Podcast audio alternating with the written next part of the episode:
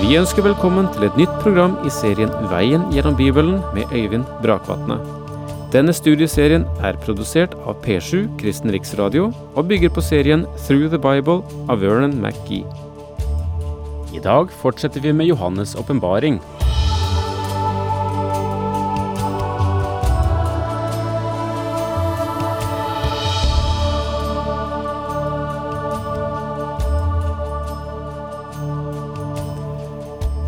Det er eh, et veldig privilegium for meg å få en anledning til å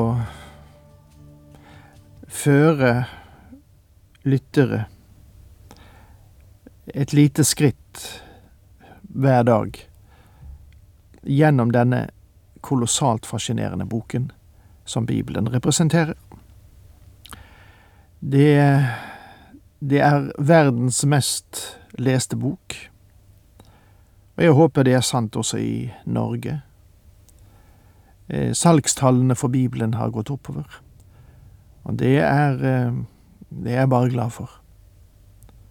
Jeg fryder meg over at mennesker fremdeles kjøper denne boken, erverver seg den. Men én ting er å kjøpe den, en annen ting er å lese den. Og jeg har besøkt adskillige hjem der det finnes mange vakre bøker. Det er bare ett aber med dem. De er ikke lest. Men nå håper jeg at eh, du kan være en bibelleser, for eh, ingen eh, går fattig bort som leser Skriften. Verken fattig på ideer, på gode ord eller på utfordringer. Så nå er vi altså samlet fra Varanger i nord til Lindesnes i syd, sammen om Guds ord, og det fryder meg. Ja, tillat meg denne, denne lille meditative merknaden før vi nå går inn i teksten igjen, og vi skal til kapittel 16 i åpenbaringsboken i dag. Vi gjorde oss ferdig med kapittel 15 sist, og nå full fart inn i kapittel 16.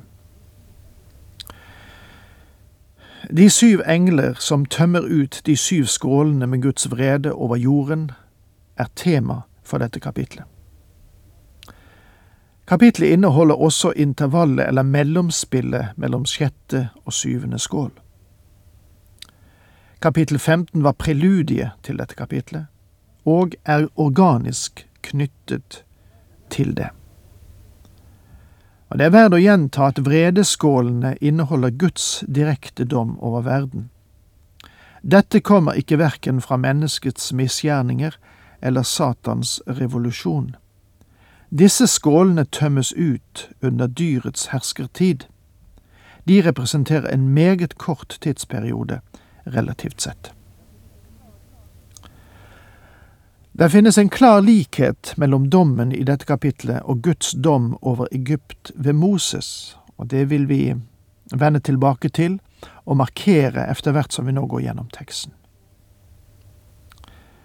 Og så går vi inn i selve teksten, da, altså Åpenbaringen 16, vers 1. Så hørte jeg fra tempelet en høy røst som sa til de sju englene, Gå av sted og tøm de sju skålene med Guds vrede ut over jorden. La meg minne dere om at den Herre Jesus Kristus er fremdeles den som fører befalet. Husk så langt tilbake som til kapittel fem, der den Herre Jesus var den eneste som var funnet verdig til å åpne boken med de syv seil. Og når han åpnet disse seil, så innvarslet han hele denne serien av hendelser knyttet sammen i syv enheter.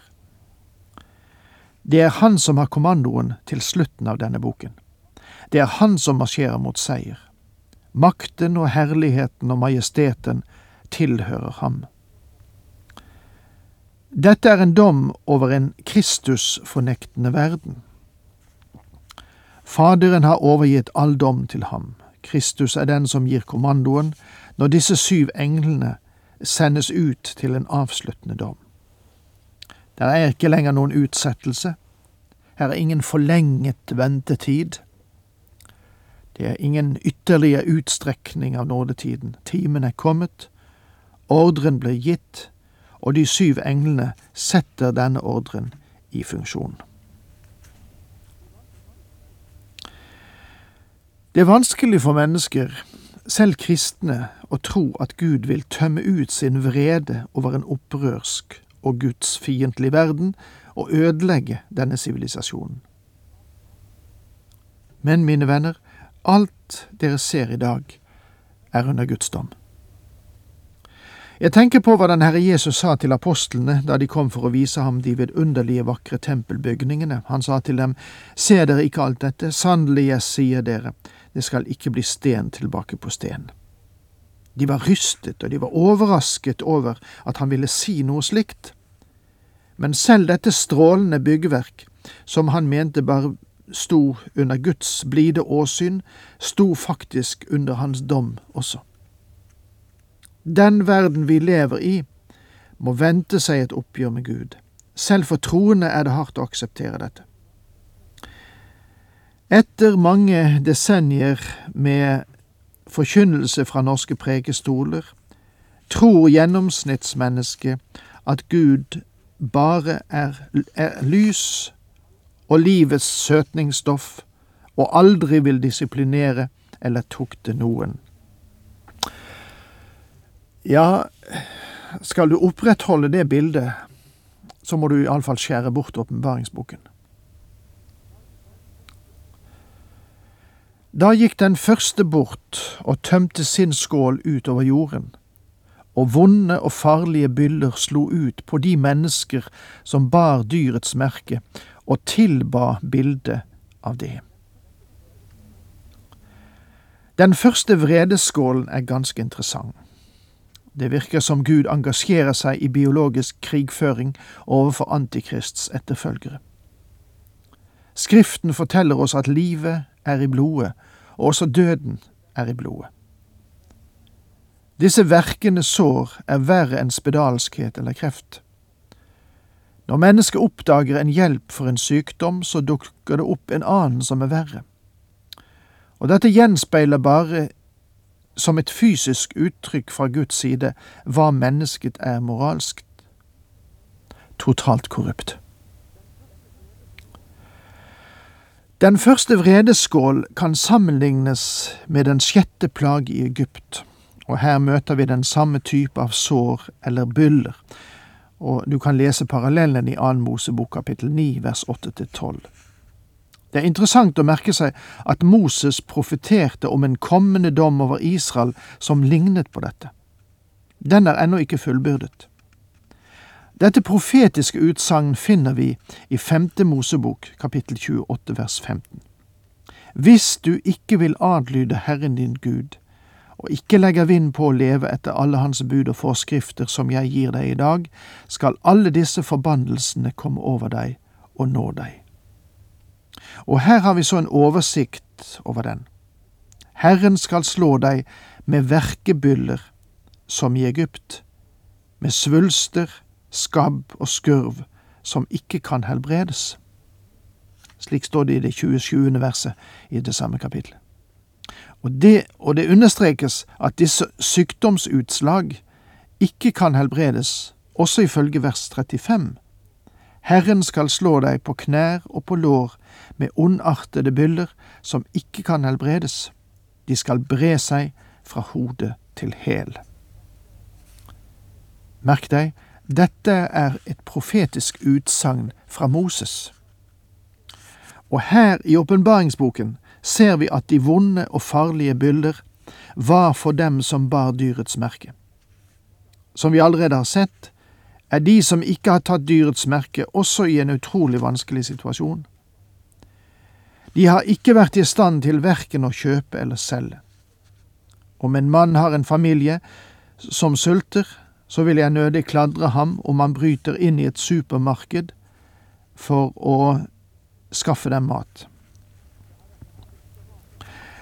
Eh, det har vært desperate tider for dem som nekter å la seg merke, men nå, ved slutten av den store trengsel, er det dem som har merket og har kunnet glede seg over alle privilegiene ved det som er gjenstand for Guds dom.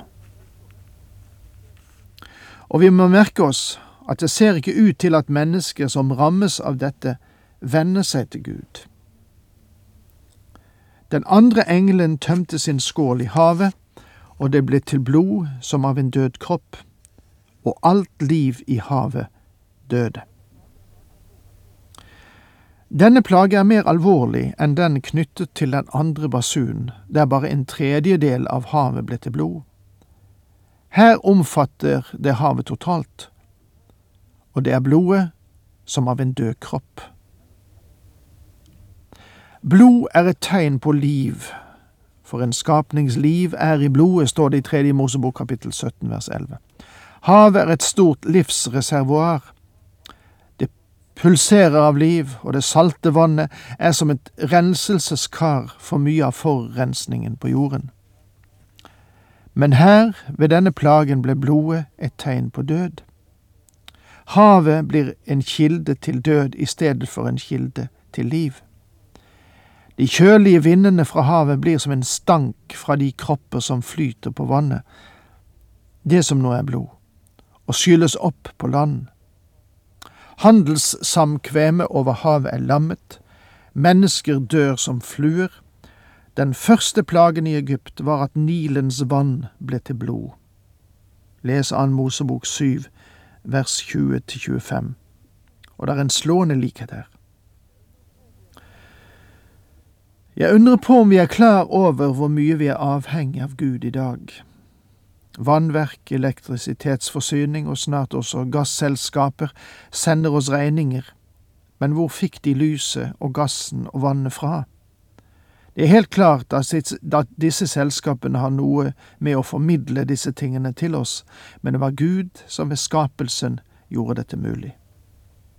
Har Gud noensinne sendt deg en regning for solskinnet, for vannet du drikker og luften du innånder? Har du noensinne betalt ham? Han har ikke sendt deg noen regning, og du vil ikke makte å betale dem om han hadde sendt deg igjen. Gud, som har vært så nådig mot den Kristus-fornektende verden, skal til sist dømme hele jorden. Englene tømmer ut Guds vredeskåler en dag. Den tredje tømte sin skål i elvene og kildene, og de ble til blod. Og jeg hørte vannenes engel si, Rettferdig er du som dømmer slik, du som er og som var, du hellige. For de har utøst hellige menns og, og profeters blod, og du har gitt dem blod å drikke. Det har de fortjent. Og jeg hørte alteret si, Ja, Herre Gud, du allmektige, sanne og rettferdige er dine dommer.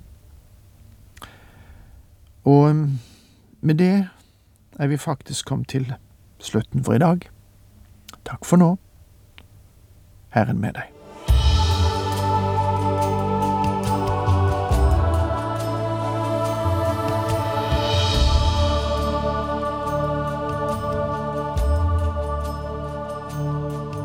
Du hørte Øyvind Brakvatne i studieserien Veien gjennom Bibelen.